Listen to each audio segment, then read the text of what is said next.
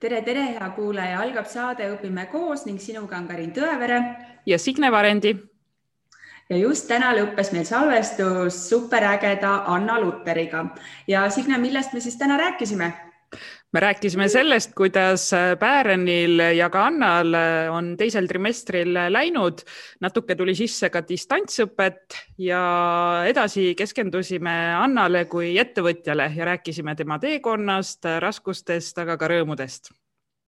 nii et saated Vol üks ja Vol kaks on meil purgis ja teile mõnusat kuulamist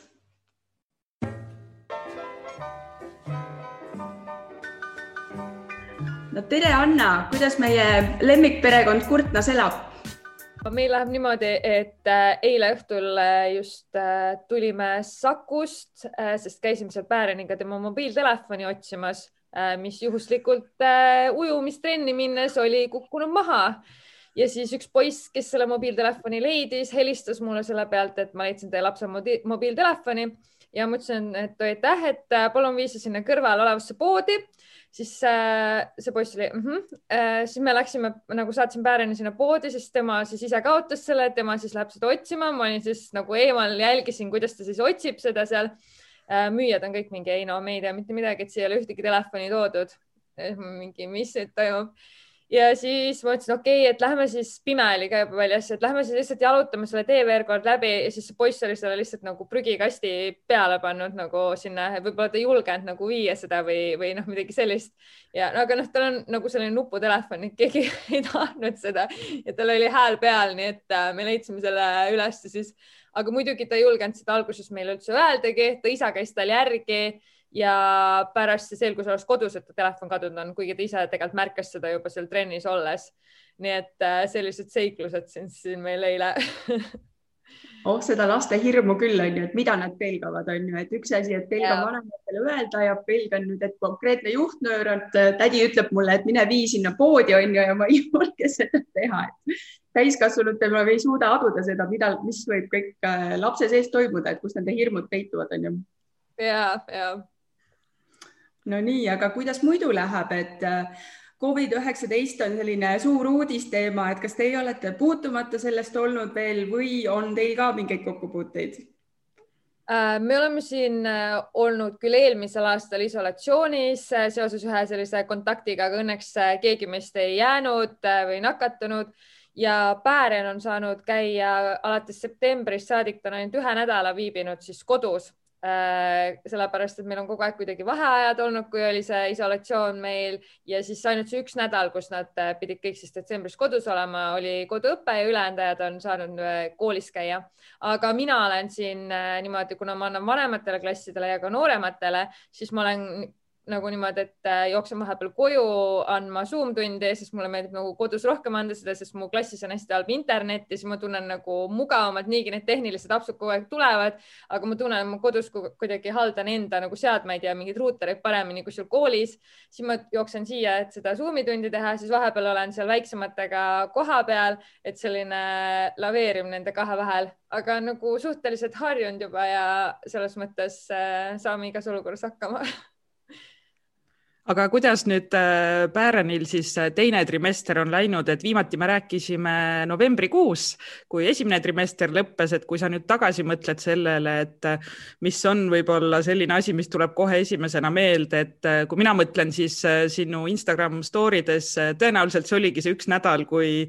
kui ta oli distantsõppel ja, ja mees sul siis õpetas teda, et tegid nalja, et uus, uus amet talle, et see jäi siis ka siia teise trimestrisse et ähm, räägi nendest eredamatest hetkedest ma ei mäleta, kas see jäi juba, kas me sellest rääkisime eelmises saates või see juhtus peale seda, aga alguses ma nagu ei, mind ei olnud stuudiumis nagu millegipärast mind, mind ei lisatud ja ma ei teadnud, et neil koduseid töid on. ma ei mäleta, kas me rääkisime sellest või mitte. me ja, rääkisime, et tal ei ole koduseid töid, jah ja. et sa oled vist esimene ja viimane õpetaja, kellel nagu stuudiumit ei ole ja, ja siis äh,, ja siis õpetaja tuligi minu juurde ükskord, mingi, kuule, et see raamat nüüd on ju, et miks see loetud ei ole, siis ma mingi, ma ei tea mitte midagi sellest.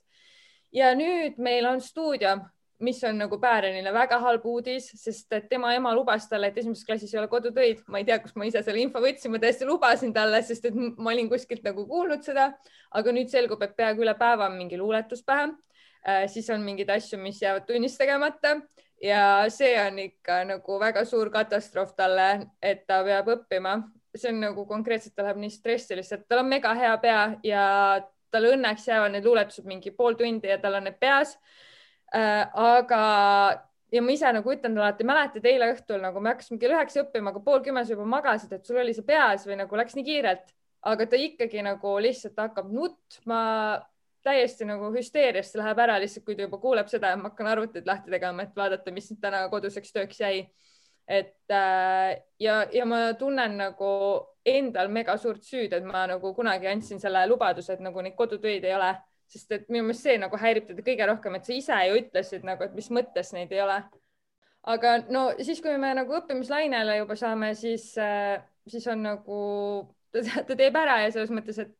et saame hakkama mis on äge uus asi, mis teda veits motiveerib, kuna meil on lugemisega on tal kõige rohkem probleeme, siis, siis esiteks mu õde saadab talle sõnumeid nagu SMS-e vahepeal ja siis ta võib nagu tahvelarvutis endale vastata, mis nagu ta muidu ei või tahvelarvutit kasutada, siis see on tal nagu hästi suur boonus ja ta tahab seda teha ja teine asi, mis talle väga meeldib nüüd teha, on äh, ristsõnad, kuna seal üleval on vaata alati see mingi kümne eurone auhind äh,, lauamäng, siis ta esimene asi on see, et ta valib nagu, mida ta tahab sealt nagu, kuigi me oleme talle öelnud, vaata nende loosiga ja nagu, et ta ei ole neid kunagi saanud isegi, aga see on mega suur motivaator talle, et vaatab mingi ja mingi kümme eurot ja mingi see lauamäng, ei, see raamat meil on, et seda ma ei hakka lahendama siin ja siis, äh, ja siis ta nagu ise lahendab ja uurib, äh, uurib neid ja ta peab seal lugema ka ja kirjutama, nii et see on nagu täiega aidanud ja talle meeldib seda teha, nii et me ei pea nagu sundima teda seda tegema. kas ta veel vanema juures ka lugemas käib? ja käib küll vahepeal ja, ja, ja nüüd vaheajal ta oli oma teise vanaema juures, siis Haanjas nad olid äh, seitse päeva järjest seal ja seal nad ka said ühe raamatu läbi, kuigi mulle veits tundub, et vanaema nagu aitas seal ka natuke kaasa aga sa mainisid äh, sõna stress, et äh, kas siis tõesti see kodutööde maht on nüüd nagu suuremaks läinud või see on kuidagi seotud nagu selle üldise olukorraga, et äh, võib-olla ei ole kontakte enam nii palju või asjad on kuidagi teistmoodi korraldatud, et mis sa ise näed, millest see lapse stress nii-öelda tuleb? see maht ei ole tegelikult üldse suur või nagu see on täiesti nagu optimaalne, tal ei lähe üldse kaua aega selle jaoks, aga mulle tundubki, et ta on kuidagi enda peas lihtsalt nagu võtnud, et mingi, et mina pean siin kannatama ja Pelle saab siin mängida. Ja ta kogu aeg ütleb ka seda, et mingi, miks Pelle ei pea? Ja siis, kui nagu me lubame Pellel ka vaheajale jääda, siis ta on nagu kuna me kogu aeg põhjendame, et tead, sina käid ju koolis ja Pelle lasteaias, siis, et siis ta küsib kogu aeg, aga miks siis Pelle saab vaheajale jääda, kui tema nagu, et tema saab ainult neid positiivseid asju sellest koolis käimisest äh, nagu nautida. et äh,, et mulle tundub kuidagi, et see põhjus ei ole nagu õppimise mahus, vaid ta enda nagu peas kuidagi no nii ma saan aru, et see, et see koolielu siis nagu otseselt sinu, sinu hinnangul kui lapsevanemana nagu ei tohiks lapsele nagu stressi tekitada, et pigem on nagu sellised äh, muud teemad sealjuures. ja, ja mulle tundub, et me ise oleme selle nagu põhjustanud ja see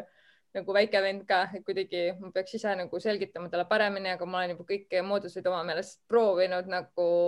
aga need ei tööta mm. -hmm aga distantsi, distantsõppe kogemus siis Päärenil selles mõttes niimoodi ei olegi, et äh, väiksed lapsed käivad endiselt koolis ja ei ole seda põhjust, et peaks nagu kuidagi online hästi palju olema ja kontakte ei ole, et, et sõbrad ja trennid ja kõik kohtumised on olemas, et äh, sotsiaalne teema on kõik nagu okei okay ja neil tegelikult tõesti päris palju trenne on ka klassipõhised, nii et äh, nagu ma ütlesin, eile käis ujumas ja need, need kõik saavad nagu jätkuda, mis on täiega äge ja nagu hea. nüüd praegu ta on ka jalgpallis. -hmm. et, äh, et see on hästi tore no nii, aga kas äh, lugemise nippe sa meile juba siin andsid, et äh, sõnumid on tulnud ja ristsõnade jagamine ja et kas midagi toredat veel, mis on nagu teise trimestrisse jäid, et eelmine kord rääkisid sa värvika seikluse sellest mis see on, see klassiõhtu teema, eks ju, et kas midagi toredat ka sellest trimestrisse Päärenil jäi veel? Äh, tal oli veel üks äh, klassiõhtu siin, mille pärast ta on alati siin väga-väga-väga äh, elevil ja me tegelikult tähistasime ta sünnipäeva muidu detsembris, aga kuna see oli ka viirusaeg, siis me mõtlesime, me ei tähista seda, aga me lubasime siis, et ja, et me ikkagi teeme ta sünnipäeva ja,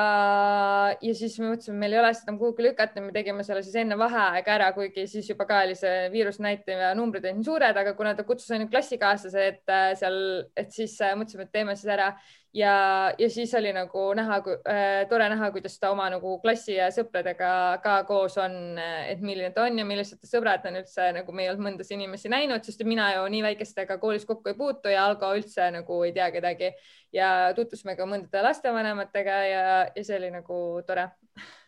aga milline ta on, mis sa siis märkasid, et äh, nüüd sa nägidki, on ju Päären kodus ja versus siis äh, klassikaaslastega. et mis see vahe on? Ta on, ta on üsna, üsna sarnane, et ta tahab kogu aeg võita kõiki asju, et äh, ma korraldasin seal mitu mängu ja siis sellest rääkisid ka mingid draamad, sest et Pären juhuslikult ei võitnud kõiki mänge. et äh, ja talle meeldib väga tähelepanu keskpunktis olla, et kohe, kui näiteks pudelimängus tema peale nagu ei jää, siis see pudeli ots nagu igal korral, siis on äh, ka nagu hästi halvasti, sest et keegi teine saab niimoodi tähelepanu äh,. aga mis on võib-olla tore olnud, mis ta on nüüd tahtnud üksi siin poes käia, pood on meist kahe kilomeetri kaugusel, nii et see tähendab seda, kas ta on isegi jala, jala käinud sinna või siis nagu mingi rattaga. Äh, ja, ja ta ise nagu omaalgatuslikult toob siis nagu emme lemmikasju, issi lemmikasju ja venna lemmikasju, mis on nagu esimene kord, kui ta seda tegi, siis nagu mul oli mingi, oo, nüüd nii armas nagu, et sa üldse tuled siukse asja peale, et ma ei ole nagu kunagi öelnud talle, et ta peab mulle poes šokolaadi tooma. et, äh, et see oli äge ja ta nagu ostab oma raha eest seda aga meil oli tegelikult siin äh, rahaga seoses, mul tuli meelde, et äh, klassijuhataja helistas mulle ükspäev, ma olin enda klassiga suusareisil ja ütles, et äh, temaga võttis ühendust siis üks teine lapsevanem, kes äh, oli just tulnud Kurtna kooli siis mingi paar päeva tagasi nagu niimoodi, neid oli üks uus õpilane klassi ja Päären äh, oli rääkinud küll, et ja, et, et üks uus õpilane, et talle väga meeldib temaga mängida koos, et, et see on nüüd uus sõber tal. ja siis see lapsevanem ütles, et, äh, et Päären oli nõudnud sealt õpilaselt siis kümme eurot sisse, et äh, umbes nagu sihuke väike altkäemaks, vaata, me nagu head sõbrad oleksime ma olin seal lihtsalt suusamäe all mingi, ma ei tea, ma tulen homme alles tagasi, ma olen siin nagu oma klassiga siin, et, et eks ma siis ütlen Algole, et ta nagu räägiks Pääreniga ja uuriks, mis asi see on. klassijuhataja ütles, et ja, et ära hakka nagu mingi, nagu ärge süüdistage teda, et ma täpselt ka ei saanud aru, et nagu mis, mis seal vahel nagu toimus, on ju, et see on ka nagu teise lapsevanema poolt nagu vahendatud mingi info, et, et lihtsalt nagu võib-olla selle raha siis nagu tagasi anda ja, ja siis noh, uurida, mis seal taga on, aga ausalt öeldes nagu Algo siis rääkis temaga ja sealt ei tulnud väga mingit infot, me ei saanudki aru nagu, kuidas see tekkis või nagu, mis ta mingid kavatsused olid, ta ei saanud ise ka mitte midagi aru, mida ta teinud oli. et äh, me saime selle raha siis nagu tagasi antud, aga siiamaani on väike selline segadus ja ma olen püüdnud talle nagu selgitada. Ta on äh, selles mõttes aidanud mul mingeid töid teha nagu raha eest, ma mõtlesin, et äkki see on nagu liiga vara olnud või nagu sellest rahast rääkides, me oleme suht palju rääkinud rahast, kuidas nagu mingi oma taskuraha ta peab alati kolmeks jagama, et üks on nagu kulutamisraha, siis on mingi hobiraha ja siis on nagu kogumiseks raha. ja, ja siis teda tegelikult hästi palju kõnetab, see üldse nagu numbrite teema kõnetab teda ja siis ma mõtlesin, et äkki ma ise olen jälle nagu kuidagi peale push inud seda teemat, et ta ei ole veel valmis või ma ei tea, äkki nad ongi liiga noored, et sellest rääkida ja siis nüüd ta ma ei tea, tahab siis koguda nii palju raha endale, et hakkab oma sõprade käest seda küsima, siis mõtlesin jälle, et oo, et mina olen jälle selle tekitanud oh,. väike ettevõtlusgeenius sünnib sealt, aga noh, sageli on, sageli ongi need arusaamatused tulevadki sellest, et lapsevanem räägib klassijuhatajale, klassijuhataja räägib sulle edasi ja seal vahel on veel lapsed, eks ju, et tegelikult see sasipundar jääbki nagu, ära nüüd ennast süüdista, ma tahan öelda sellega ma arvan, et see, et sa rahast räägid ja oled nii-öelda aus ja avameelne, et ma arvan, et see on õige ja hea tegelikult, et aga jah, selge, kui arusaamatused tekivad, siis tuleb need sel selgeks rääkida nii palju, kui muidugi saab, et oh jah.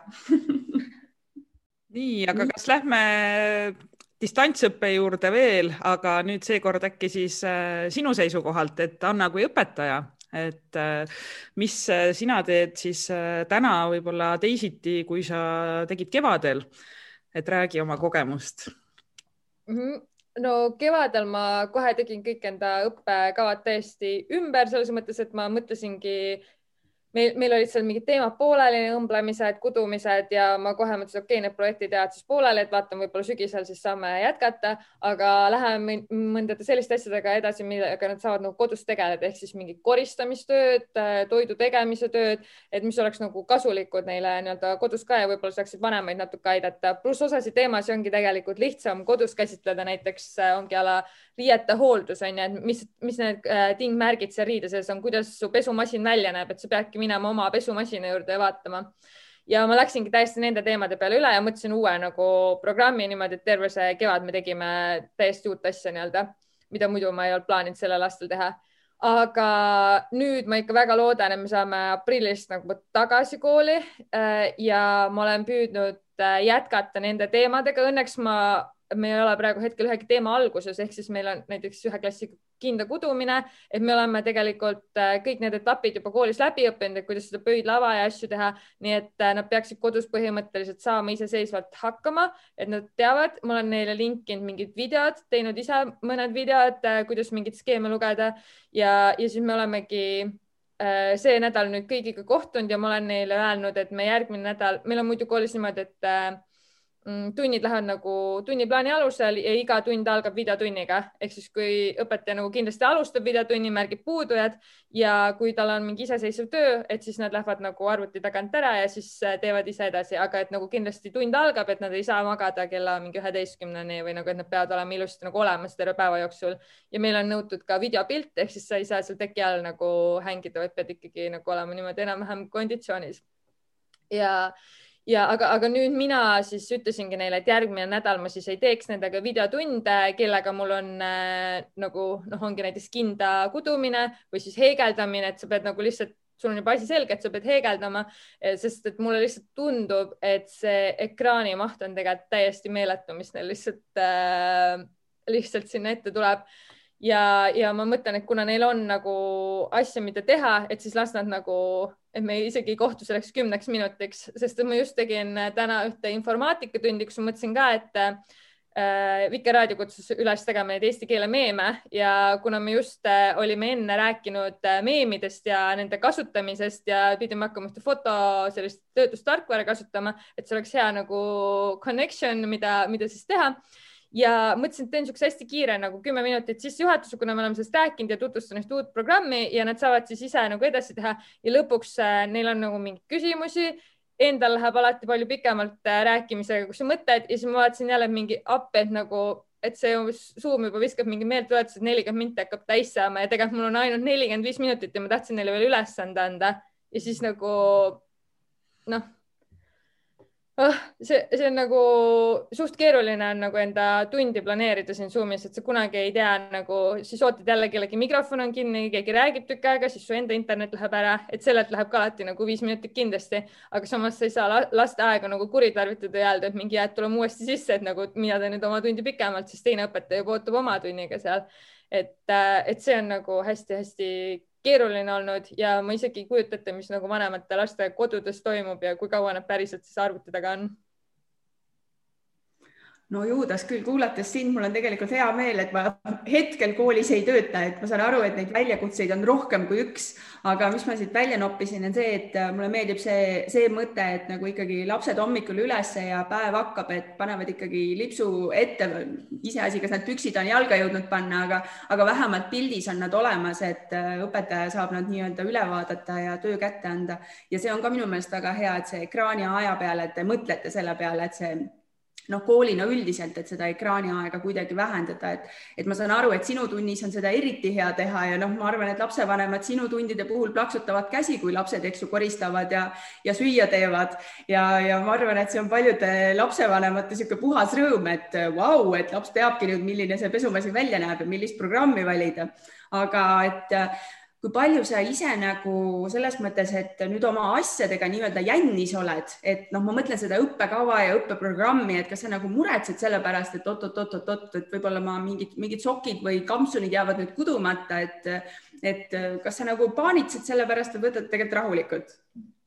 Ei, ei, ma üldse ei paanitse, ma kunagi selles mõttes ei ole isegi paanitsenud selle pärast, eh, sest et praeguse käsitöö õppekava ja minu enda nagu äh, mõtestamine, suhtumine sellesse õppekavasse on selline, et ma üliharva teen selliseid hästi mahukaid töid, võib-olla kindad ongi kõige mahukam asi, mida me üldse teeme. Ja kuna ma kodus tegelikult tavaliselt ei lase üldse õpilastel teha, vaid neil on kogu aeg asjad koolis, siis nende kinnaste peale meil läheb üsna kaua aega, mis siis nõuab, ma tavaliselt teen sinna vahele mingeid muid projekte ka, mingit a la ühe tund värvime mingit T-särki või midagi, sest neil on lihtsalt liiga nagu igav või nagu muutub nii tüütuks neile, et pigem mu eesmärk on see, et nad saaksid proovida erinevaid materjale ja tehnikaid. Ehk siis äh, kui nad, kui mul, kui ma näengi, et nagu nii, et me jõuame heegeldada ainult nagu kaks paarist tundi, siis ma tean, et me lihtsalt kiirelt proovimegi mingit silmust läbi ja nad oskavad neid teha ja kui neil kunagi tulevikus on soov mingit eset teha, siis nad tegelikult juba teavad või on nagu kogenud seda, seda tegemist. ja noh, siis ma jätangi näiteks selle peapaela ära, mida nagu muidu ma olin planeerinud, et me teeme kaks nädalat veel seda ja siis kudumises ka mingi väike tükk, et siis lihtsalt need jäävad ära, aga nagu ma tean, et see tunnetus on käes ja see kokkuvõttes ei muuda nagu väga midagi, sest ega järgmine aasta nad ei mäleta samamoodi enam, kuidas see aasta või ahel silmus nagu tuli, kui nad on selle peapaela teinud või ei ole. või noh, need nad ikkagi vajavad nagu ise ka tegelikult, kui ma hakkan tegema jälle mingi heegeldamist ja ma ei ole aasta aega heegeldanud, ma vaatan üle, et nagu kuidas täpselt need äh, tingmärgid olid ja mis silmus nagu millele vastas, et, äh, et see on okei okay,, aga nad juba teavad siis, kust seda otsida ja nagu, nagu mida otsida et see on minu jaoks oluline, nii et selles mõttes ma, ma isegi arvan, et nad on kindlasti saanud äh, distantsõppel nagu seda kodunduse poolt just nagu palju-palju rohkem ja palju võib-olla ägedamalt ja paremini, kui, kui ma oleks osanud koolis nagu anda, et see on nagu päris elu, kuhu nad sattusid ja võib-olla neil ei olegi vanemaid kodus ja vanemad teevad oma tööd ja nad peavadki lõunaks endale midagi süüa tegema ja siis nad ongi seal kapi ukses, mis siis nagu peale hakata nüüd. Mm. -hmm kas sa oled ka märganud sellist äh, mahajäämust, et äh, ma mäletan, et äh, te ikkagi panite hindeid, aga su suhtumine oli selline, et kas arvestatud või mitte arvestatud. et nüüd näiteks noh, ongi, kui sa hindeid vaatad, kas on õpilastel raskusi võib-olla siis just selle käsitööga näiteks? tegelikult me ei ole eriti kaua distantsõppel praegu olnud üldse, sest et nagu meil oli siis nädal detsembris ja siis oli kaks nädalat vist äh, nüüd jaanuaris, aga siis me olime vahepeal juba koolis ja nüüd on siis esimene nädal, kus nad peaksidki, ma olen alles nüüd nagu, mu tunnid on nädala teises pooles, nii et eile ja täna mul alles esimesed tunnid, nii ma ei ole nagu nende mingeid töid või fotosid äh, kätte saanud, aga ma vaatasin enda klassi õpilaste nagu üleüldiseid hindeid, siis, siis mulle tundub, et nagu hetkel on seis veits parem, kui oli eelmisel aastal nagu kevadel, aga samas noh, see periood on nagu lühem ka olnud, et, et, et võib-olla selle, selle tõttu ka ma korra küsin veel sinu nende tundide kohta, et sa ütlesid, et sa tegid oma selle nii-öelda töökava ringi, et, et kas sa said kellegilt nagu mõtteid või oli teil nagu ainesektsioon, ma ei tea, Eesti Käsitööõpetajate mingi liit või asi on olemas võib-olla, kes nagu jagas näpunäiteid, et kuidas oma tööd ümber organiseerida või kas sina näiteks oled nõus oma asju ka jagama teiste õpetajatega, et seda open mind'i rohkem nagu levitada? Äh, ma olen üsna halb sellistes seltsides nagu järjepidaja või nagu, et ma väga palju ei surfa internetis ringi. ma tean, et ma olen ühes Facebooki grupis, mis vahepeal siis nagu, kui ma satun sinna, siis ma näen midagi, mingeid, mingeid asju, aga ma tegelikult ei tea väga täpselt, mida teised teevad, nii et see on täiesti mu enda mingi välja mõeldud ja sellepärast, kui keegi küsib alati mingi, et jaga oma seda, siis ma mingi ei, ma ei tea, nagu see võib täiesti valesti tehtud olla, et ma ei tea üldse, kas see nagu aitab neid lapsi või nagu ma olen, ma olen ise tegelikult, kui ma teen seda ka alati nagu veits kahtleval seisukohal siiamaani, et nagu, et äkki ma peaksin kuidagi teistmoodi tegema, nagu kogu aeg lihtsalt küsin enda käest, et miks ma neid asju teen või nagu, et kas ma olen õigel teel ja tahaks kogu aeg keegi ütleks mulle mingi, et ja, et see on okei okay, niimoodi teha. aga samas ma olen mõelnud seda, et, et äh, või nagu tagasiside antakse tavaliselt siis, kui sa oled mega valel teel onju, või noh, et siis ikka keegi kuskilt sa saad ikka mingi märgi, et äh, kas kõik õpilased saavad mingi halbu hindeid või nad ei ilmu su tundidesse või midagi sellist, et nagu selliseid asju ei ole olnud. et siis ma olen ennast püüdnud rahustada, et okei okay,, et nagu ju siis nagu nii valesti ei ole, et et äh, ja, aga ma olen nõus sellega, et nagu tegelikult ma võiks ise ka natuke aktiivsem olla mingites gruppides ja teistega suhtlemisel just õpetajatega, et äh, siis saaks mingeid ideid, kuna meie kool on nii väike, meil on ainult üks käsitööõpetaja äh,, siis nagu ei saa sellist nagu koolisisest mingit äh, gruppi ka luua, et teistel õpetajatel on ikkagi nagu täiesti teised nagu väljakutsed äh, kui käsitööõpetajal, et selles mõttes oleks tegelikult jah tore, tore rääkida, aga samas see on jälle nagu sihuke ajamahukas kõikide suhtluste jälgimine ja mingites foorumites osalemine aga mul on hea meel, et koostöö on alati see, mis edasi viib, et tegelikult ega ma ei tea, kas selline asi nagu Käsitööõpetajate Ühing või liit on olemas, aga lihtsalt see tuli nagu selline, selline mõte, et tegelikult võiks ju jagada, et, et need head ideed kokku panna ja teha mingit superägedat. Ja ma mäletan, eelmises saates sa rääkisid, et, et noh, õpetajad ikkagi noh, kulutavad nagu tunde ja tunde lasteaega, et üks suur ja mahukas ja äge kampsun valmis saada, aga tegelikult rõhk peaks olema tehnikatel ja erinevatel etappidel nagu tööprotsessis, eks ju. et äh, sealt see mõte lihtsalt, et, et jaga ikka ja õpetajad, kes te tahate teada, mida Anna teeb, võtke Annaga ühendust või võtke meiega ühendust, et küll me pressime siis Annat natukene. kindlasti ta leiab selle aja aga ma küsiks su klassijuhataja töö kohta ka, et sa juba mainisid, et vaatasid, oled vaadanud siin teisi hindeid ka, et, et äh, kas sa klassijuhatajana, sa küll noh, see distantsõppeperiood on nüüd väga lühike olnud, aga ma ei tea, kas teie koolis arenguvestlused on näiteks kohustuslikud ja tavaliselt kevadine aeg on nagu selline arenguvestluste aeg, et kas te planeerite neid ja kuidas sel aastal sa nagu näed ja mõtled selle peale? Mhm. tegelikult kusjuures ma eile just äh, saatsin kirja, et ma hakkan arenguvestluseid tegema ja panin registreerimisvormi ülesse, et ma kavatsen neid teha Zoomi teel. tegelikult see oli mu idee juba sügisel, äh, kui ma isegi ei teadnud, kas me oleme distantsõppel, aga ma mõtlesin seda, et äh, see idee tuli sellest, et ükskord Algo oli siin üksi kodus Pääreniga ja nad pidid vist mingist trennist Zoomi kaudu osa võtma ja ta ei saanud lihtsalt äh, nagu hakkama selle Zoom, ta on tegelikult nagu teab küll nagu ka ikka arvutis, aga ta töö on arvutiväline ja tal ei ole kunagi mingit Zoomi koosolekut ega midagi sellist, aga tegelikult ta nagu oskab arvutit kasutada. ja siis ma saatsin talle selle lingi, et näe, õpetaja saatis, et minge sinna sisse, et pane kas telefoni või tavaliselt me paneme televiisorisse, kui tal trenn on, et siis ta näeb nagu suurelt kaugelt niimoodi ja siis mingi Algo mingi õhtul mingi, ei no meil läks mingi kakskümmend minti, et sinna sisse saada ja siis ma mingi, mis asja, kuidas saab nii keeruline olla. ja siis ma tegelikult hakkasingi mõtlema, et, et mulle tundub see nii loogiline, mingi Zoomi kasutamine, mingi share screen, mingi teed seda värki, nii näe. ja, ja ka tegelikult, kui palju neid lapsevanemaid on, kes üldse ei suhestu oma lapsega, sest nad ei tea, mis tunne on esineda nagu arvutis või milline see pinge võib võib-olla lapsel olla nagu alguses esimese, esimene kord, kui tegid ja nagu ise midagi rääkima pead, siis see on tegelikult tegelikult nagu teistsugune pinge. Ja ma mõtlesin, et oleks täiega äge panna nagu lapsevanemad sellesse rolli, et nad peavadki midagi ütlema, nad peavad selle ühendama, nad on nagu arvuti sees nagu, et, et mis tunne see on, nii et äh, siis ma mõtlesin kohe, ma kavatsen kõik, et olgu ükskõik, mis olukord on, et ma kavatsen need Zoomi teel teha, et, äh, et siis nad saaksid selle kogemuse, mis õpilastel on. Nii et äh, nüüd mul ongi terve see märtsikuu on siis äh, üritan kõikide õpilastega ära teha nagu täistuubitud ja, ja siis vaatame, kuidas see välja kukub ma mäletan, et ma tegin ka ühe sellise lastevanemate koosoleku äh, digivahendeid kasutades, et äh, küsisin erinevaid küsimusi ja kasutasin neid samu programme, mida me siis tundides õpilastega kasutame. ja no äge oli tõesti vaadata, kuidas siis lapsed said ju ise õpetajateks ja õpetasid siis äh, vanemaid sealsamas, et vaata, vajuta nüüd siia, kuidas sa aru ei saa, et rollid nagu muutusid ja, ja tõesti lapsevanem sai aru, mida see laps siis tunneb ja, ja kuidas siis tema hakkama saab ja, ja tekitas võib-olla sellise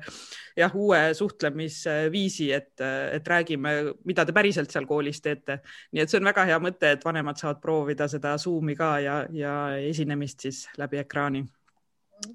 aga kas, noh, sa ütlesid, et sa eile alles kirjutasid selle kirja, et milline on vanemate reaktsioon olnud või kuidas üldse see koostöö nagu sa praegu kooli ja kodu vahel näed, et noh, meedias nagu justkui on nagu kaks poolt, et ühed lapsevanemad kiidavad õpetajaid taevani, et ahah, jumal tänatud, nüüd ma saan aru, et kui vajalikud õpetajad on, teised kiruvad, et õpetajad on kodus, midagi ei toimu, annavad ainult lastele nagu selliseid palju ülesandeid ja koormavad mind siin on ju, et kuidas teil on, et kuidas sa ise tunnetad seda koostööd ja suhtumist nagu lastevanemate poolt? minu klassis on vanemad äh, sellised äh, et nad põhimõtteliselt mitte kunagi ei vasta mulle, et nad on nagu kõigega nõus ah., nad lihtsalt nagu täna vaatasin ka juba, et mingi pooled on ära registreerinud ennast, kellelgi mingeid lisaküsimusi ei ole. et, et selles mõttes on äh, alati nagu tore, et nad ei hakka nagu mingit vastu või ei ole sellist vastutöötamist, aga samas mõnikord on nagu mingi küsimus, et tahaks nagu mingit saada mingeid mõtteid või nagu, et öelge, kuidas te tahate, et me teeksime ja siis nagu keegi umbes ei vasta seal nagu kokkuvõttes, aga samas nagu sa, ma olen nüüd äh, kolmandat aastat klassi, selle klassi klassijuhataja ja sa nagu harjud ära ja siis äh, näiteks kui ma tean, et mul on mingit vastust vaja, siis ma teengi anonüümse hääletuse ja siis ma lihtsalt näen, et kui palju nagu inimesi seal vastanud on, et kõik nagunii seda ka ei vasta, aga siis ma vähemalt saan nagu mingi tagasiside, siis ma tean, et nad ei taha nagu kirjadele niimoodi vastata, aga kui mul on vaja ikkagi mingit infot saada, näiteks selle klassi ekskursiooniga oli samamoodi nüüd, kui me käisime, et, äh, et ma tegin üks hääletuse ja siis ma sain nagu enam-vähem pildi ette, et mis nende seisukoht on ja siis selle järgi nagu lihtsalt ise otsustasin. Aga, aga jah, Pääreni klassis on näiteks hoopis teistsugused klassivanemad, ma oma sotsiaalmeedias ka vahendasin ühte väga-väga sellist äh, kurba olukorda, kus, äh, kus siis meie seal äh, kinni, meil on niisugune kinnine grupp, lastevanemate grupp, kus näiteks öeldakse, mingi jalgpallitrenn täna hakkab pool tundi hiljem või et mingi leidsin oma lapse kotist need dressid, et äkki kellegi omad, et meie omad ei ole. ja, ja siis sinna ilmus äh, peale siis vabariigi aastapäeva selline postitus, et äh, ühe lapsevanema laps tuli koju ja ütles, et neile rääkis äh, aktusel üks tädi, et äh, vanavanemate juurde tuleb nagu maskiga minna või õues kohtuda ja siis see lapsevanem oli väga häiritud sellest, et miks Kurtna kool teeb nagu sellist propagandat äh, ja nagu ajupesu lastele, et, äh, et, et milles nagu see teema on ja kes see tädi oli, et, äh, et see on täiesti lubamatu, et palun andke märku siin, et kes veel tahab nagu selle teemaga edasi minna äh,. et tema kavatseb nagu valda pöörduda ja siis äh, noh, et kes, kes võib-olla teab, et video vahendusel tervitas kõiki Eestimaa õpilasi haridusminister äh, Liina Kersna et äh, see, see tädik oligi, kes siis rääkis sellest lihtsalt, et käitume vastutustundlikult, ärme kogune gruppidesse ja hoolime üksteisest. aga kuna see vanema meelestus juba kevadiselt sellelt, kui meil oli lastele õpetamine, oli teada et on nagu vaktsiinivastane ja võib-olla viirust üldse ei ole olemas ja nagu sellised seisukohad, siis ta nagu lihtsalt on enda peas nagu juba välja mõelnud ja ükskõik, mida talle öeldakse, siis tema nagu mõtleb kohe nagu kõige halvemat ja siis hüppab nagu niimoodi lihtsalt nagu plähmates nagu, nagu peale. Ja minul oli nagu täiesti mega kurb seda lugeda, eh, sest et eh, nagu see oligi süüdistus põhimõtteliselt kõikide meie õp õpetajate vastu, et mida, mis noh, mida me peseme seal eh, neid õpilasi ja nagu, kas me üldse mõtleme ka, millest me räägime. Ja, ja tegelikult nagu mina saatsin selle, kuna mina olen sealt ainukesena siis õpetajatest noh, nagu lapsevanemana, siis ma saatsin selle ka teistele õpetajatele et, et mis seal on ja kõik olid nagu väga-väga šokeeritud. Ja nüüd eile siis see inimene seal äh, uuesti oli seal sõna võtnud, et ta oli direktorile helistanud ja ikka läheb selle teemaga edasi, kuigi nagu me panime sinna lingi nagu, et millega tegemist oli ja tema arvab ikkagi, et see ei ole okei okay,, et äh, Kurtna kool nagu lihtsalt tegeleb mingi vaktsiinikampaaniatega. et äh, noh, see on lihtsalt äh,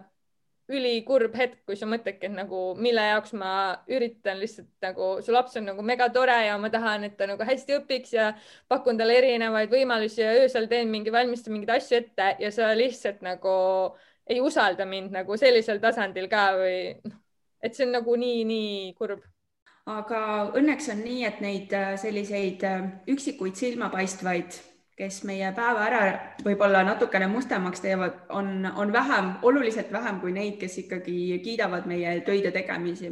nii, aga Anna, räägime nüüd sinu ettevõtja teekonnast, et eelmises saates sa rääkisid, et, et sa oled õpetaja ja et sa oled ka ettevõtja ja et need kaks päeva nädalas nii-öelda päästavad sinu, sinu elu, on ju. et äh, miks on nii, et sa rabeled nagu mõlemal kohal nagu täiega ja kakssada protsenti ei keskendu ühele asjale? Mul on vahepeal niisugune tunne, et ma olen nii laisk, et ma ei rabele kummalgi kohal täiega. et äh, ja ma teen alati nagu nii minimaalselt, kui vähegi võimalik on ja mõnikord mul on, või no mul on kogu aeg nagu täiega imekad. ma pean selle vist korra vastu võtma. nii, sorry, oli hoopis äh, kooli majandusspetsialist, kes viis õmblusmasinat parandusse ja vajas natuke konsultatsiooni, et mida parandada on vaja. väga hea. nii, aga küsimus oli siis see jah, et, et sa rabeled nagu kahel rindel, et oled ettevõtja, oled õpetaja, et äh, miks sa nagu siis valikut ei tee, et rabeled mõlega, mis see põhjus, mõlemaga, et mis see põhjus on? aga tegelikult see põhjus ongi see, et nagu mulle meeldivad need kaks asja, mulle meeldivad mega palju need teised asjad ka. näiteks viimasel ajal mind on hästi palju hakanud huvitama üldse selline filmimine, fotograafia mind ammu huvitanud, aga kuidas videosid kokku lõigata, kuidas neid paremini teha. Ja ma olen mõelnud, võiks seda kuskil õppida või siis nagu Youtube'is ma olen niimoodi ise õppinud. Ja siis ma mõtlen mingi, oot, aga nagu see on juba mingi kuuekümnes teine asi nagu, mida ma tahaksin õppida, nagu miks ma, et miks ma ei suuda nagu keskenduda, aga ma olen mõnes mõttes nagu leppinud sellega, et mulle just nagu meeldivadki erinevad asjad kuidagi midagi, aga need kõik siis on sinna käsitöö ümber nagu koondunud ja samas ma tunnen, et need kõik asjad äh, ei ole nagu nii erinevad, et ma ei saaks neid kuskil kasutada, et alati, kui ma ühes kohas midagi teen, siis tegelikult ma saan selle sinna teise valdkonda viia ja see viib tagasi meid selle laiskuse juurde. ehk siis, et nagu kõigile tundub, et ma teen nii palju asju, aga tegelikult ma teen ühe asja ja ma viin need kõike kolme eri valdkonda ja siis äh, ma olen tegelikult ühe asja teinud, aga kõigile tundub, et ma igaühe jaoks teen midagi. aga see on suurepärane kooslus, kui asjad täiendavad üksteist ja nagu justkui saad nagu ühe sellise liigutusega saad nagu kümme asja korraldatud, et suurepärane aga kust see ettevõtluse pisik nagu sinusse tuli, et äh, kas see on nagu perekonna poolt tulnud äh, sinu kodust või see on pigem nagu, et sa ise nagu õpetajana hakkasid nagu nägema, et ohoo, et võib-olla palgast ei piisa või aega jääb üle või ma ei tea, mis su põhjused olid mm,? mõnes mõttes see kindlasti, mu isa on traktorist ja ta siis, kui kolhoosi aeg lõppes, siis sellest ajast ei ole nagu kuskil tööl käinud, ehk siis ta on nagu FIE-na nagu töötanud ja tal on olnud mingil hetkel ka rohkem töölisi, mingil hetkel vähem. praegu ta on äh, väga kaua olnud täiesti üksinda, teinud mingeid asju ja see on kindlasti nagu olnud selles mõttes, äh, ma ei tea, kas eeskujuks, aga mulle on tundunud see alati üliloogiline, et nagu niimoodi saab ka elada. mu ema oli õpetaja, tema käis oma tunniplaani järgi, aga mu isa siis äh, oligi, et vahepeal ta pani hullu, läks kell mingi neli hommikul lund lükkama tuli öösel äh, millalgi tagasi ja, ja siis läks uuesti varahommikul, et, et see oligi okei okay. ja ma ise nagu näen praegu enda elus samamoodi, et nagu vahepeal ongi see, et ma olen päev otsa siin, hambad laiali diivanil, ei tee mitte midagi, aga mõnikord on nagu kiirem ja siis sa peadki ennast kokku võtma ja nagu pingutama ja mulle võib-olla meeldibki selline äh, selline tempo rohkem, et vahepeal ongi suur tempo ja siis on nagu rahulikum kui see, et nagu kogu aeg nagu midagi tiksuks, et äh, aga kust see üldse alguse sai, oli pigem ikkagi sellest, et äh, ma tegin nagu enda jaoks ja ma üldse ei mõelnud kunagi, et ma midagi müüma hakkan, aga inimesed hakkasid ise ostma ja siis mingi hetk ma sain aru, et nüüd ma müün. Ja et kui mu kontole tuli mingit, äh, kogu aeg mingit raha, mingi müts ja sall ja mingid siuksed asjad, siis ma mingi hetk vaatasin, et võib-olla Maksuametile ei meeldi see, et nagu mu erakontole tuleb mingi müts, äh, sall.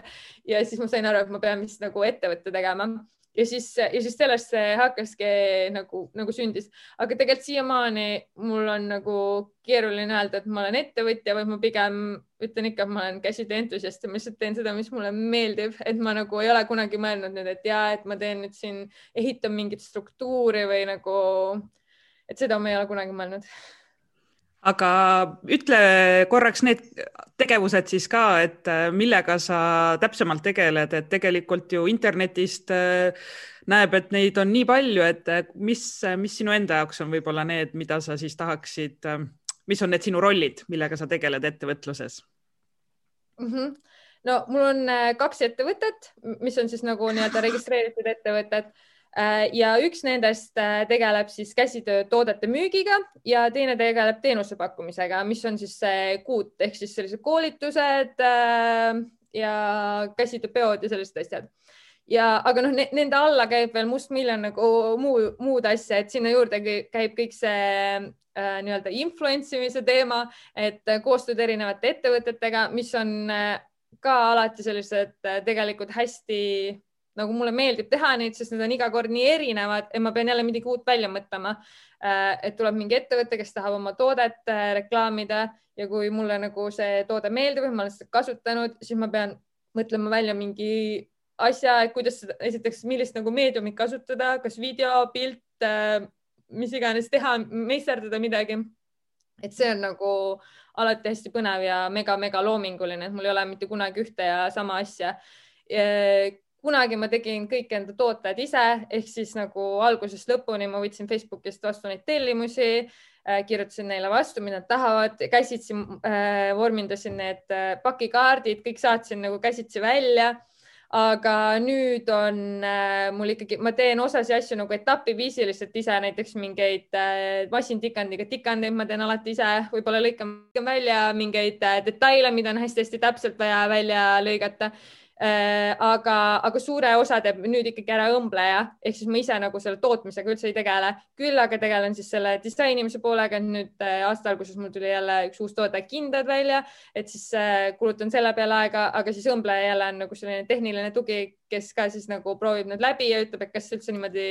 on mõistlik teha, et võib-olla kuidagi teistmoodi lahendada see lõikeliselt aga kõiki fotosid ja asju ja kõiki asju ma teen ise ja koristaja ja kõik asjad olen, olen ka ise. et äh, jah. ma vaatasin, et äh, sul on äh, kodulehel ka toredasti, et su vanaema kuulub tiimi ja mees ja et õde vist oli ja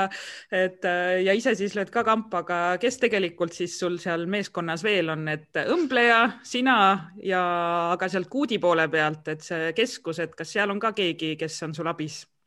Ja tegelikult mul äh, kuudis on veel Anette, äh, kes on siis äh, nüüd natuke üle aasta olnud minuga koos, kes aitab mul meile vastata seal ja ka mõndasid üritusi läbi viia, mis siis ei nõua nii palju näiteks õmblusalaseid teadmisi, sest tema on täiesti nagu teise valdkonna inimene, aga ta on hästi inimeste inimene, nii et, et tema saab nagu sellise üldise ja lihtsamate teemadega kenasti, kenasti hakkama ja, ja olen veel kasutanud seal kuudis, kui on hästi palju broneeringuid, siis oma kursaõdesid, kes aitavad äh, ka siis mingeid äh, pidusid mõnikord nagu läbi viia, kui sa oled kuskil mujal või kui ei jõua, ei jõua teha. Aga tõesti hea vanaema on ka põhitiimi liige meil siin. eile just äh, vanaema käis oma teist vaktsiini saamas, viisin teda autoga. Ja siis ma pidin ühe paki kuuti maha tõstma ja siis äh, selle asemel, et istuks seal autos, ei, ma nüüd lähen välja, vaatan, siin lumi on sulanud, kas siin peab juba riisuma tulema sinna et äh,, et tal on ka väga suur pinge peal seal. Ja ma saan aru, et äh, see on ju tegelikult kõik niimoodi noh, hästi kasvanud vaikselt on ju, et sa ju alustasid üksinda ja, ja nüüd siis meeskond on su ümber tekkinud, et äh, et mis, kuidas sa kirjeldaksid, et kuidas siis on äh, juhtida juba sellist meeskonda, et see on ju täitsa omaette tase, et et kuigi jah, klassijuhatajana sa oled juht, on ju koolis õpetajana, aga nüüd ettevõtluses äh,? tegelikult ma olen selle teema peale päris palju mõelnud viimasel ajal ja, ja kõik asjad nagu on kuidagi juhtunud niimoodi, et nad on nagu kasvanud, ehk siis ma ei ole nagu korraldanud ühtegi töökonkurssi, vaid Anette tuli ka nagu ise lihtsalt kirjutas mulle, et mingi, et aeg, kuule, et nagu sul tundub täiesti võõras inimene, et sul tundub nagu nii äge vaata, et umbes, et tahaks nagu sinu juurde tulla. mul ei olnud üldse niisugust mõtetki, et nagu mingi mul oleks vaja kedagi või, või nagu ma ei julgenud nagu kunagi sellist sammu astuda. Ja siis see kuidagi nagu läks ja, ja võib-olla nagu tänu sellele, et need asjad on niimoodi hästi sujuvalt läinud, on mul hästi keeruline nagu võtta ka ennast kui juhti, sest et mul on nagu niisugune tunne, et me oleme ju koos kasvanud, et me oleme nagu ühes, ühes sellises äh, nii-öelda paadis või nagu ma olen suht halb nagu juht selles mõttes, ma saan nagu õpi, õpilaste eest selles mõttes hästi hakkama, sest seal ma tean nagu oma rolli, aga, aga nagu mulle ei meeldi eriti äh, nagu selline, et mina olen nüüd juht ja ma pean ütlema, mida, mida teha või nagu sihuke. Ja, ja viimasel ajal, kui me Anetega tegime siin siukse arenguvestluse, siis ma sain natuke tagasisidet selle kohta, et nagu milline ma siis olen. Ja, ja ta ütles ka, et ma võib-olla annan liiga vähe tagasiside, et äh, näiteks mind ennast nagu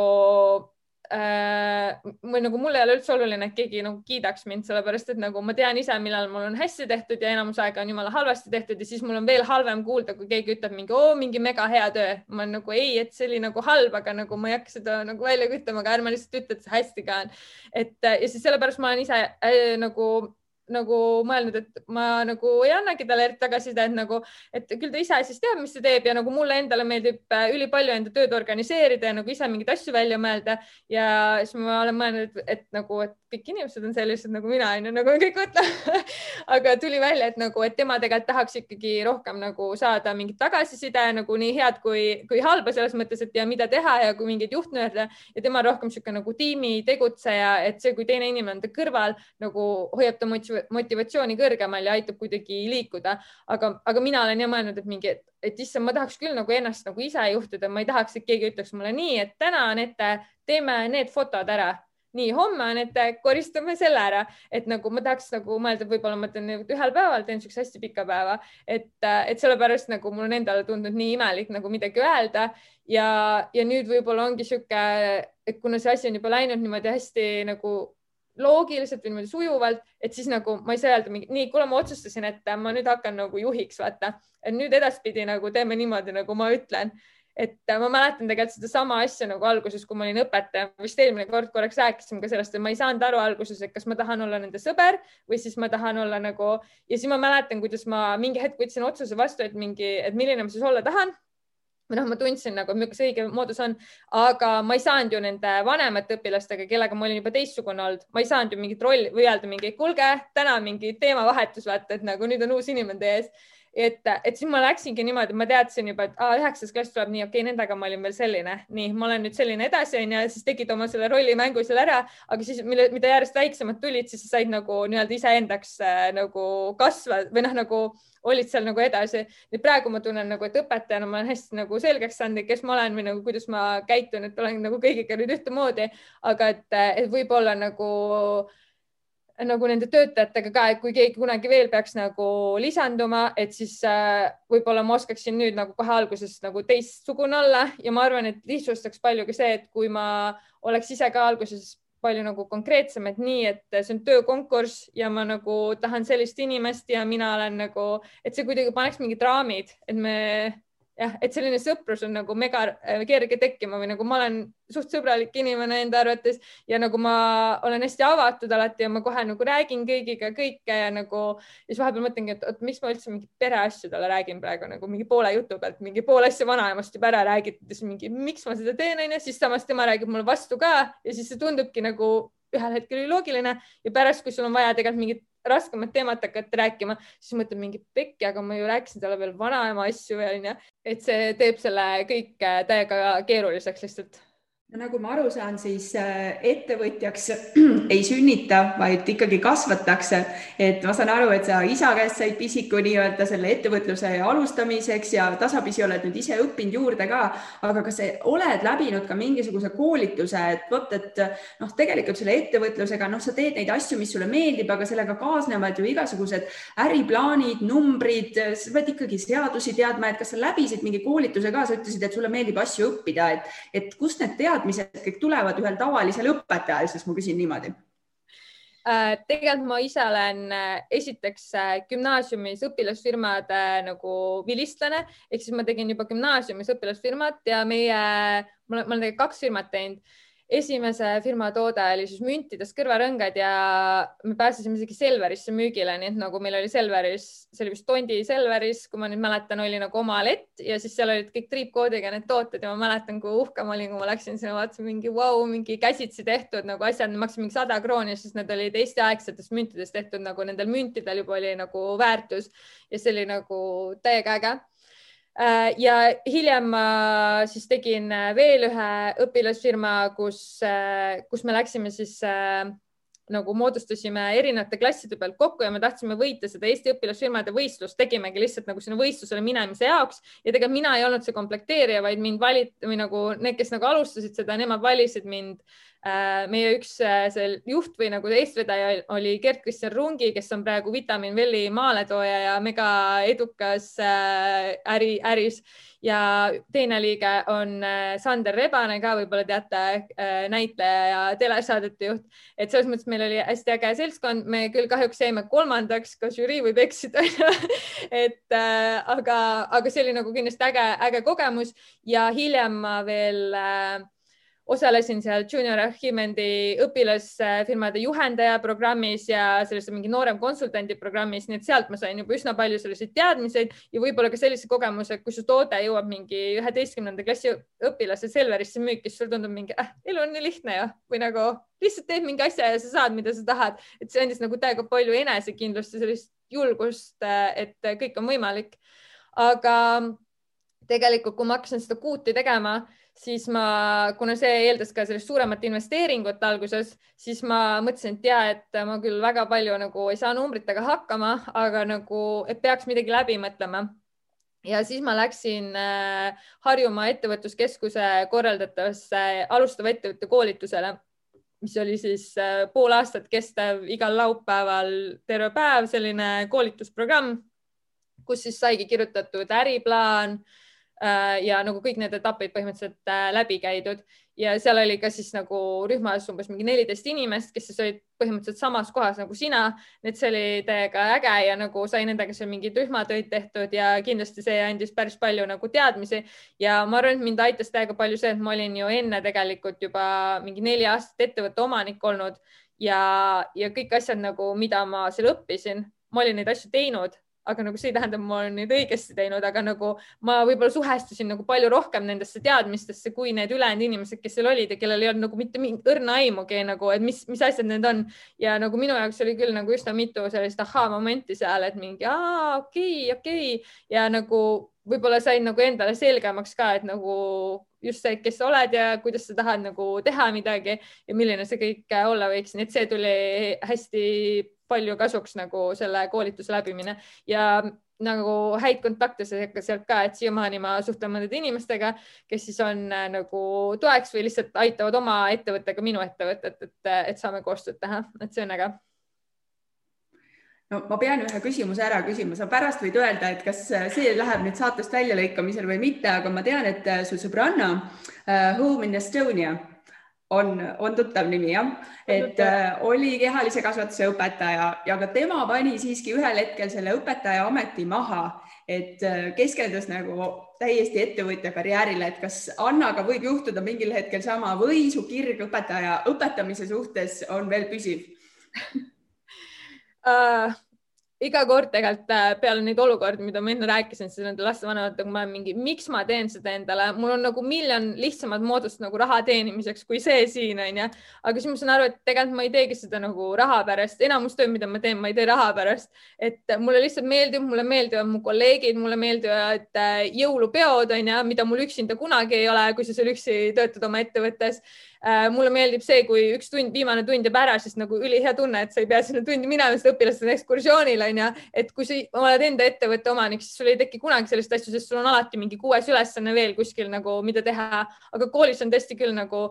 väga-väga vabastav, et sa tead, mis nagu maht sul on, onju, ja siis teadki mingi nii, kõik asjad on tehtud nagu, aga mul enda ettevõttes ei ole kunagi sellist tunnet olnud, et mingi kõik asjad on tehtud, kõik on alati tegemata, alati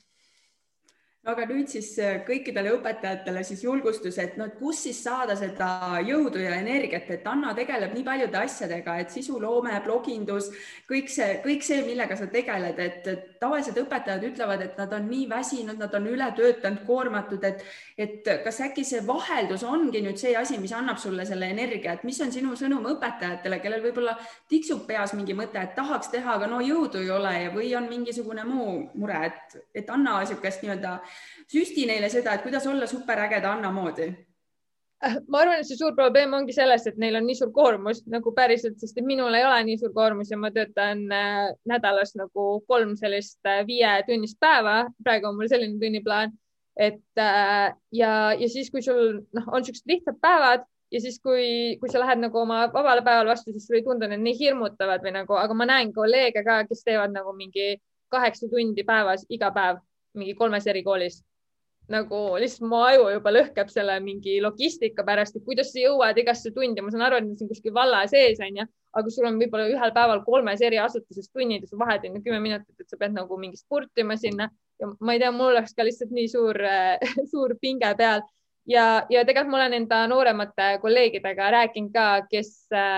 kes kasutavad praegu lähtetoetust. Ehk siis minul on ka lähtetoetus äh, mis peaks nüüd varsti lõppema, see, see viieaastane leping, aga sellega seoses peab sul olema mingi nagu koormuse maht täis. Äh, ehk siis nagu alguses sul peabki päris täiskoht olema ja need äh, kolleegid on mul ka öelnud, et kohe, kui see toetus lõpeb, et nad kavatsevad nagu või nagu nad tahavad koolis edasi olla, aga see koormus on absurdne, et nad kindlasti ei ole nagu enam seda täiskohta, vaid nad loobuvad nagu paljudest tundidest, et tekitadagi endale nädalasse äh, üks või kaks nagu vaba päeva ja ma arvan, et siis nad on, kuigi minu arust nad on praegu ka üliägedad ja toredad õpetajad, aga ma arvan, need on nagu veel toredamad või nagu tunnevad ennast ise palju paremini, et saavad ka oma hobide ja, ja asjadega tegeleda. et äh, ja ma ei ole ise kunagi nagu viite päeva järjest koolis olnud, ma isegi ei kujuta ette, mis tunne see on, aga nagu ma arvan, et ma isegi ei tahaks seda kogeda, et see ei ole nagu väga tore ja, ja tegelikult ma arvan, et nagu ma tunneksin niimoodi nagu iga töökohta, et kui ma peaksin äh, viis päeva nädalas tegema mingit oma asja, siis mul ka võib-olla lõpuks nagu ma ei saa aru enam, kus maal ma olen. et, äh, et sinna kooli on ikkagi hästi hea minna, sest et, äh, et direktor ütleb sulle, palju sul tunde on vaja teha, sa teed need ära. Ja mõnikord, kui on selline ma ei tea, kas te olete kogenud, mul on küll nagu tuleb ka vahest ikka selline periood, et mingi, ma ei viitsi mitte midagi teha. Aga pagan, sa pead sinna tundi minema ju ja nagu, kui ma ei peaks minema, ma arvan, et mul tekiks mingi depressiooni mingi periood, et ma lihtsalt ei lahkuks kodust, sest mul on võimalus olla teki all ja mingi arvutis mingit tööd teha. ma ei paneks ennast kunagi riidesse või nagu korralikult ei kammiks juukseid ära, sest mul on lihtsalt võimalus ennast kerre tõmmata, aga seal nagu mul ei ole võimalust, ma pean minema sinna klassi ette ja nagu juba kui need õpilased tulevad, siis tegelikult nagu nad on lihtsalt nii naljakad ja mingi teevad mingeid naljakaid asju ja siis sul hakkab endal ka nii lõbus, et sul lihtsalt ei ole aega nagu kassida ja nukrutseda ja, ja see nagu minu jaoks see väljaminemine on täiega oluline märksõna, et inimene ei jääks üksi äh, nagu ennast haletsema ja mingeid mõtteid ketrama lihtsalt enda pähe. Ja sellepärast on ülihea, kui mul on äh, iga nädal mingid kohustused, kuigi need on vahest tüütud tunduvad, aga ma pean sinna minema ja ma lähen sinna alati aga kuidas äh, praegune siis piirangute aeg on äh, sind kui ettevõtjat äh, mõjutanud, ma kujutan ette, et seal koolituskeskuses ju jäid ikkagi kõik planeeritud kohtumised ära, küll aga e-poes siis tooteid sai ju edasi müüa, et, ähm, et räägi sellest, sellest ajast ka ja seal koolituskeskuses on küll praegu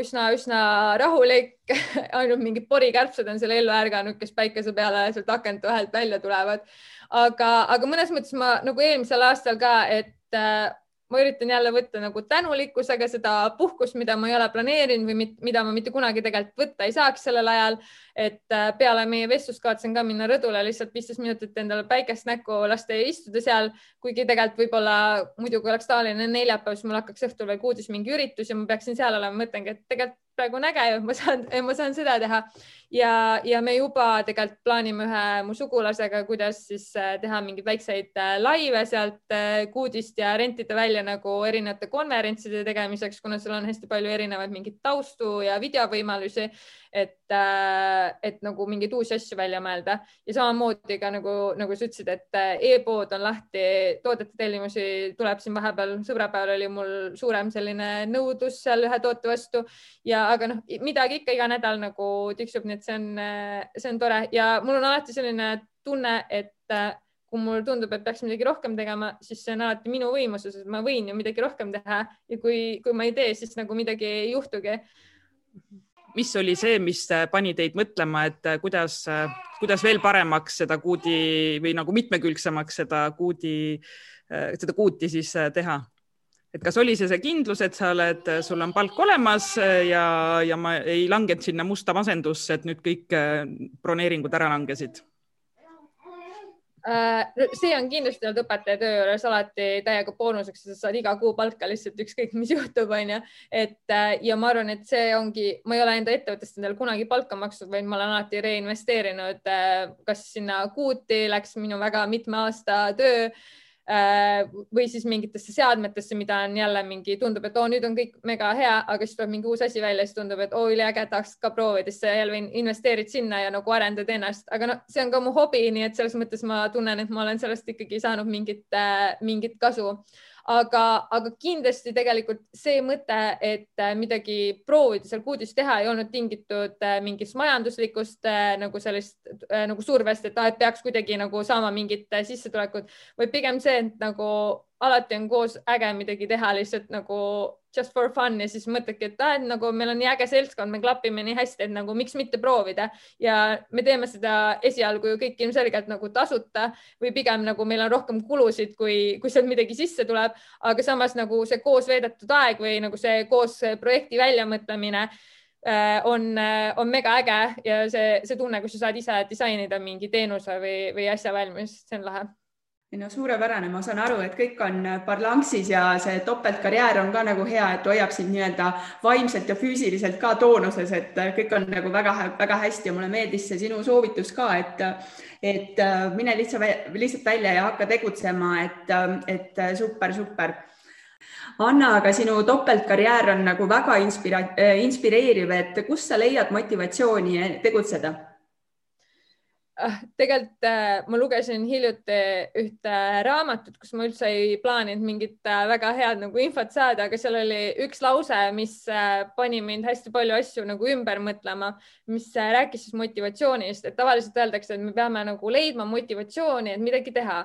aga tegelikult me peame midagi tegema, et saada motivatsiooni ja siis järsku mulle tundus kõik nagu megaloogiline lihtsalt. Ja ehk, ehk siis seesama, kasvõi see näide, et nagu, et kui raske on minna nagu tõusta diivanilt püsti on ju ja minna jooksma, et tegelikult selleks, et jooksma minna, sa ei pea leidma motivatsiooni, vaid sa pead tõusma nagu diivanilt püsti ehk siis tegema selle esimese liigutuse. Ja, ja võib-olla nagu minu, mis ma hakkasin mõtlema, et mida mina siis äh, iga hommik teen, et nagu ennast juba motiveerida, siis ma olen eluaeg nagu alati oma voodi ära teinud nagu see on mega lihtne asi, nagu ma arvan, et iga inimene on selleks suuteline oma voodi ära tegema. aga kui sa teed juba ja kui sa mõtled sellele, et oh, ma tegin enda voodi ära, mis ülejäänud päev siis nagu ei ole ära teha, et sa pead nagu kohe sellele ülesandele nagu vastu astuma. ehk siis, kui sa teed oma meili lahti või nagu vaatad mingi mm,, et mingi meil tuli, okei okay., et ta küsib siin mingi minu suuruse kohta, ma peaks mingi mõõdu ära võtma, no pärast vastan talle aga tegelikult sul läheb kaks minutit, sul on vaja see joonlaud võtta, nagu miks sa seda kohe ära ei tee,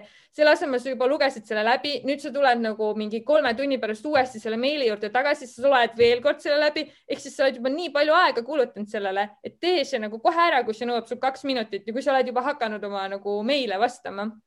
nüüd ma näengi, et inimesed on nagu, tegelikult ma olen ise nagu veits fail inud sellega, ma olin vanasti see inimene, kellel oli alati ainult üks äratuskell. Ehk siis nagu ma ei tea, kuus viiskümmend üheksa äratuskell helises, ma olin nagu puhh üleval, tegin oma voodi ära. Ja see on nagu mega õige, aga praegu ma olen nagu hakanud seda nagu lükkama niimoodi edasi ja siis mul on hetkel nagu vähemalt kolm äratuskella. Ja see ongi juba nagu nii vale, sest et tegelikult sa juba rikud oma une või noh, et sa ei maga onju, et sa ei saa sealt mingit kasu ja, ja siis sa hakkad seal voodis mingi mm,, tegelikult ma ei tea, mul on jumala rasked asjad täna onju. peab veel tundi minema ja mm, suht iga päev, et huvitav, kas keegi hommikusööki teeb ja hakkan nagu ketrama oma peas juba haletsema ennast, et mis sul kõik ette tuleb. aga kui sa seal ühe äratuskella peal üles ärkad, siis sa tead, sa pead voodi ära tegema, siis sa lähed hambaid pesema, et sul on nagu mingi teema juba olemas, mis sa pead tegema, et nagu ära mõtle nagu liiga palju üle. Ja ma arvan, et see on nagu noh, need on nagu hästi triviaalsed näited, mida ma tõin praegu, aga ma arvan, et see on iga nagu keerulisema mingi ülesande või protsessiga samamoodi, et sa lihtsalt pead nagu hakkama pihta ja mitte, mitte nagu keskenduma sellele, et mis kõik võib juhtuda ja äkki mul oleks mõnusam diivani peal olla, ilmselgelt oleks, aga nagu tegelikult nagu tee need asjad lihtsalt ära et äh, ja, ja kui ma seda lauset lugesin, et, äh, et meil ei ole vaja motivatsiooni, vaid meil on nagu teha vaja, siis ma mõtlesin ja, et see ongi see, mida ma olen kogu aeg teinud, aga nagu ma ei olnud kunagi mõelnud selle peale ja ma olin nagu nii elevil sellest lausest, ma vist ajasin isegi Algo üles ja mingi lugesin talle selle lause ette, mingi saad aru, sihuke lause tuli siia. Väga hea, aga kuule, jaga meiega seda raamatu pealkirja ka, mida ma saan aru, et oli nagu nii igav raamat, et sa üldse ei plaaninud lugeda, aga said nagu oma elu mõtte nüüd teada sealt ma pean sulle selle kirjutama pärast, sest mul ei ole see pealkiri praegu meeles. okei okay., aga kas Annal on veel mingeid selliseid äh, toredaid harjumusi, mida ta teeb, et äh, noh, teatud inimesed on nagu, et nad mõtlevad nagu terve päeva läbi või nädalaplaani teevad või on nad tänulikud millegi üle, et mis on sinu veel sellised harjumused, et mis sa mõt, nagu, mis aitavad sul nagu fookuses olla ja selle päeva hoida nii-öelda tegusana?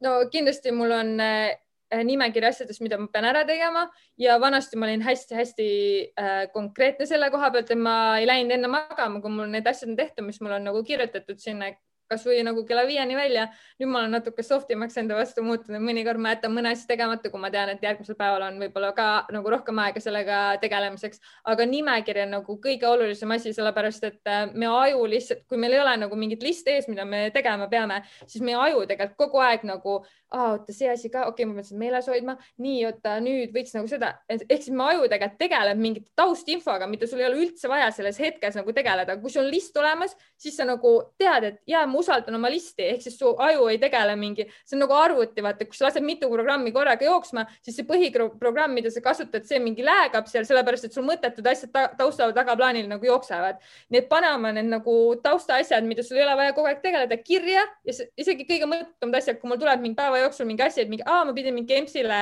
ma ei tea, kummijuppi viima, siis ma kirjutan selle ülesse ja mu ajust on see läinud, ma nagu ei mõtle selle peale või ma õhtul vaatan, aa, kummijupp EMS-ile, nüüd ma lähen viin selle ära. et, äh, et, et sa ei peaks äh, nagu tegelema nende asjadega. Ja, ja siis, kui sul on selle asja tegelemise aeg, siis sa lihtsalt teed selle asja ära ja tõmbad siit nimekirjast maha ja üks asi, mis äh, on mu elus ka hästi kaua olnud, on trennirutiin ehk siis äh, ma olen vist juba mingi neli aastat äh, teinud üle päeva nagu trenni, sellist nagu lühikesi jõuharjutusi kodus niimoodi kakskümmend minutit. Ja põhimõtteliselt ma ei tea, ma olen vist oma elus seda jätnud ära mingi kümme korda selle kümne aasta jooksul või sorry, nelja aasta jooksul, et et see on ka niisugune asi, mis, kui sa teed selle ära, siis sa mõtled mingi pagan, kui ma selle tüütu asja tegin ära, siis ma saan jälle ükskõik millegagi hakkama. Ja, ja mõnikord, kui mul ei ole üldse tuju, siis mingi, oh, ma teen selle trenni asja ära, siis ma tean, kui hea tunne mul pärast on. Ja nagu saunaga nagu see ei ole alguses hea, aga sa keskendud sellele mingi, mine metsa, kui mõnus peale sauna on, onju, et nagu ära mõtle sellele, kui jube seal laval on, vaid mõtle pärast, kui mõnus sul on. Ja trenniga ma teen alati samamoodi nagu ma mõtlen, nii mõnus on seal matil, et sa paned oma kella kinni, vaata trenn tehtud nagu lihtsalt oled seal veits aega mingi, kasvõi minut aega ja sa oled mingi, ah nii hea, et, et nagu siuksed äh, lihtsad asjad, aga nagu sa võiksid ennast äh, äh, nagu kiita selle eest, et sa oled need ära teinud või nagu kuidagi seda momenti rohkem teadvustada, et see ei ole nagu tavaline või nagu see on hea, kui sa tegid need ära, see on kiiduväärt nagu kuule, Anna, sa jõuad oma jutuga täpselt sinna, kuhu me nagu tahaks Signega jõuda ka varsti, et, et liikumine on hästi-hästi oluline, et ma siinkohal pean kohe mainima, et, et õpime koos, taskuhääling teeb koostööd äh, liikumisalgatusprogrammiga Half an hour gives me, half an hour gives me power, et äh, tule liitu sellega ka, et tehke oma kooli meeskond ja tulge liituge, et äh, meil on selline mõte, et tegelikult Maigi äh, Miina Härma gümnaasiumis Tartus äh, pani nimetuse hariduskäik ehk siis äh, oled aktiivne, kõnnid ja kuulad näiteks podcast'i või mingisugust audioraamatut või, või jalutad kasvõi oma kolleegiga koos ja jagad mõtteid, et nüüd, kui distantsõpe on, siis võib-olla mingid kontaktid ja võib-olla mingid koolitused jäävad ära, aga tegelikult on võimalik ennast harida igat viisi ja, ja olla veel samal ajal aktiivne ka füüsiliselt, et et väga lahe, ma kutsun sind osalema selles ka. ja aitäh aga super, meil on äh, üks minut äh, saate lõpuni jäänud, me täname sind väga-väga äh, ja loodame, et eestlased saavad hirmust võitu ja julgevad avalikult ka küsida küsimusi Anna käest. Ja järgmisel korral, kui me sinuga kohtume, räägime me kolmandast trimestrist. loodetavasti on hästi palju toredaid positiivseid näiteid nii õpetajast, Päärenilt toredaid lugusid ja ettevõtjast Annast ka. Ja räägime veel kõigest muust, mis, mis meil veel kõik Annaga seoses rääkimata on jäänud, nii et kohtume, Anna, järgmisel korral, jah? ja väga äge. vastame kõikidele küsimustele, mis kuulajatelt tulevad, nii et ärge olge, ärge olge tüüpilised äh, eestlased, küsige, küsige, küsige, palun aitäh sulle, Anna. ja suur aitäh, tšau. tšau.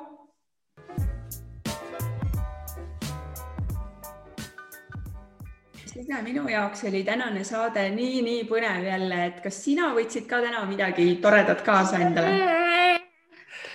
ja no mulle meeldib Anna suhtumine, et, et kõik on suhtumises kinni, et tuleb asju näha positiivselt ja, ja teinekord võtta vabalt ja, ja see viib sindki siis elus edasi ka, et ja, ja kaasa võtan võib-olla selle, mis seostub meie taskuhäälinguga, on see, et eestlane kipub olema võib-olla tagasihoidlik tagasiside andja, et siinkohal kutsume sind üles, hea kuulaja et äh, anna meile tagasisidet, äh, kuidas, äh, kuidas sulle meeldivad meie saated, mida me saaksime paremini teha ja ja löö kaasa selles, et, ähm, et kui sa tead, kes järgmine saatekülaline on ja sul on mõni küsimus, et siis kindlasti kirjuta meile see, et huvitav oleks ju rohkem kaasata ka teie küsimusi ja, ja teha need saated teie jaoks sisukamaks, et, ähm, et see selline üleskutse siia lõppu kas sinul on äh, ka mõni üleskutse meie kuulajatele, mis seostub tänase saatega? no ja minu, minu jaoks on ikka oluline see, et mis Anna ütles ka, et ära midagi edasi lükka, et tegutse kohe, et kui mingi mõte tuleb või mingi tegevus, mis tuleb ära teha, siis tee see kohe ära ja, ja mina kutsun teid äh, lausa kahele väljakutsele nii-öelda, et äh, esimene see, et äh, Signega oleme välja mõelnud sellise asja, et õpetame haridustöötajaid ja miks mitte ka täitsa üldse mitte haridustöötajaid, kõiki teid, kes te meid kuulate, taskuhäälingut koos tegema, et õpime koos taskuhäälingu tegemist, et meil juba on mõned inimesed, kes meiega on liitunud ja töös on väga lahedad äh, projektid ja mulle tundub, et äh, Eesti haridusteemad äh, saavad laiema kajastuse läbi põnevate uute taskuhäälingute juba peagi. nii et liituge meiega ja teine väljakutse on seotud liikumisega, mis on minu jaoks olnud ikka väga pikki aastaid nagu selline suur südameteema, et ma näen seda, et inimesed liiguvad liiga vähe ja eriti nüüd distantsõppel ma ikkagi, minu hirm on see, et äh, ka täiskasvanud, nad utsitavad küll noori, et liigu rohkem, mine õue, tee, tee, aga ise nad kipuvad ikkagi sinna tugitooli jääma ja natukene võib-olla niisuguses mugavusrollis olema, et ma nagu ootaks ja loodaks, et õpetajad näitavad ka distantsõppe ajal õpilastele eeskuju ja liiguvad rohkem. Ja selleks äh, tegime me taskuhäälinguga Õpime koos ja liikumisalgatusega Half an hour power siis äh, sellise toreda üleskutse, et liigume koos ja teeme hariduskäike ehk siis ähm,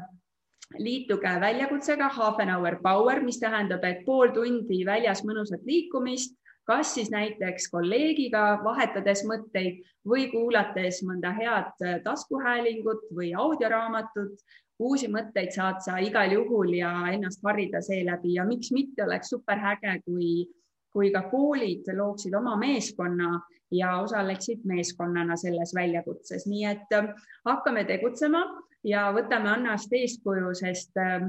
tõesti, Anna on nii inspireeriv. Ja kõik küsimused Annale, tagasiside meile, pange teele ja olge terved, olge tublid ja kohtume järgmisel korral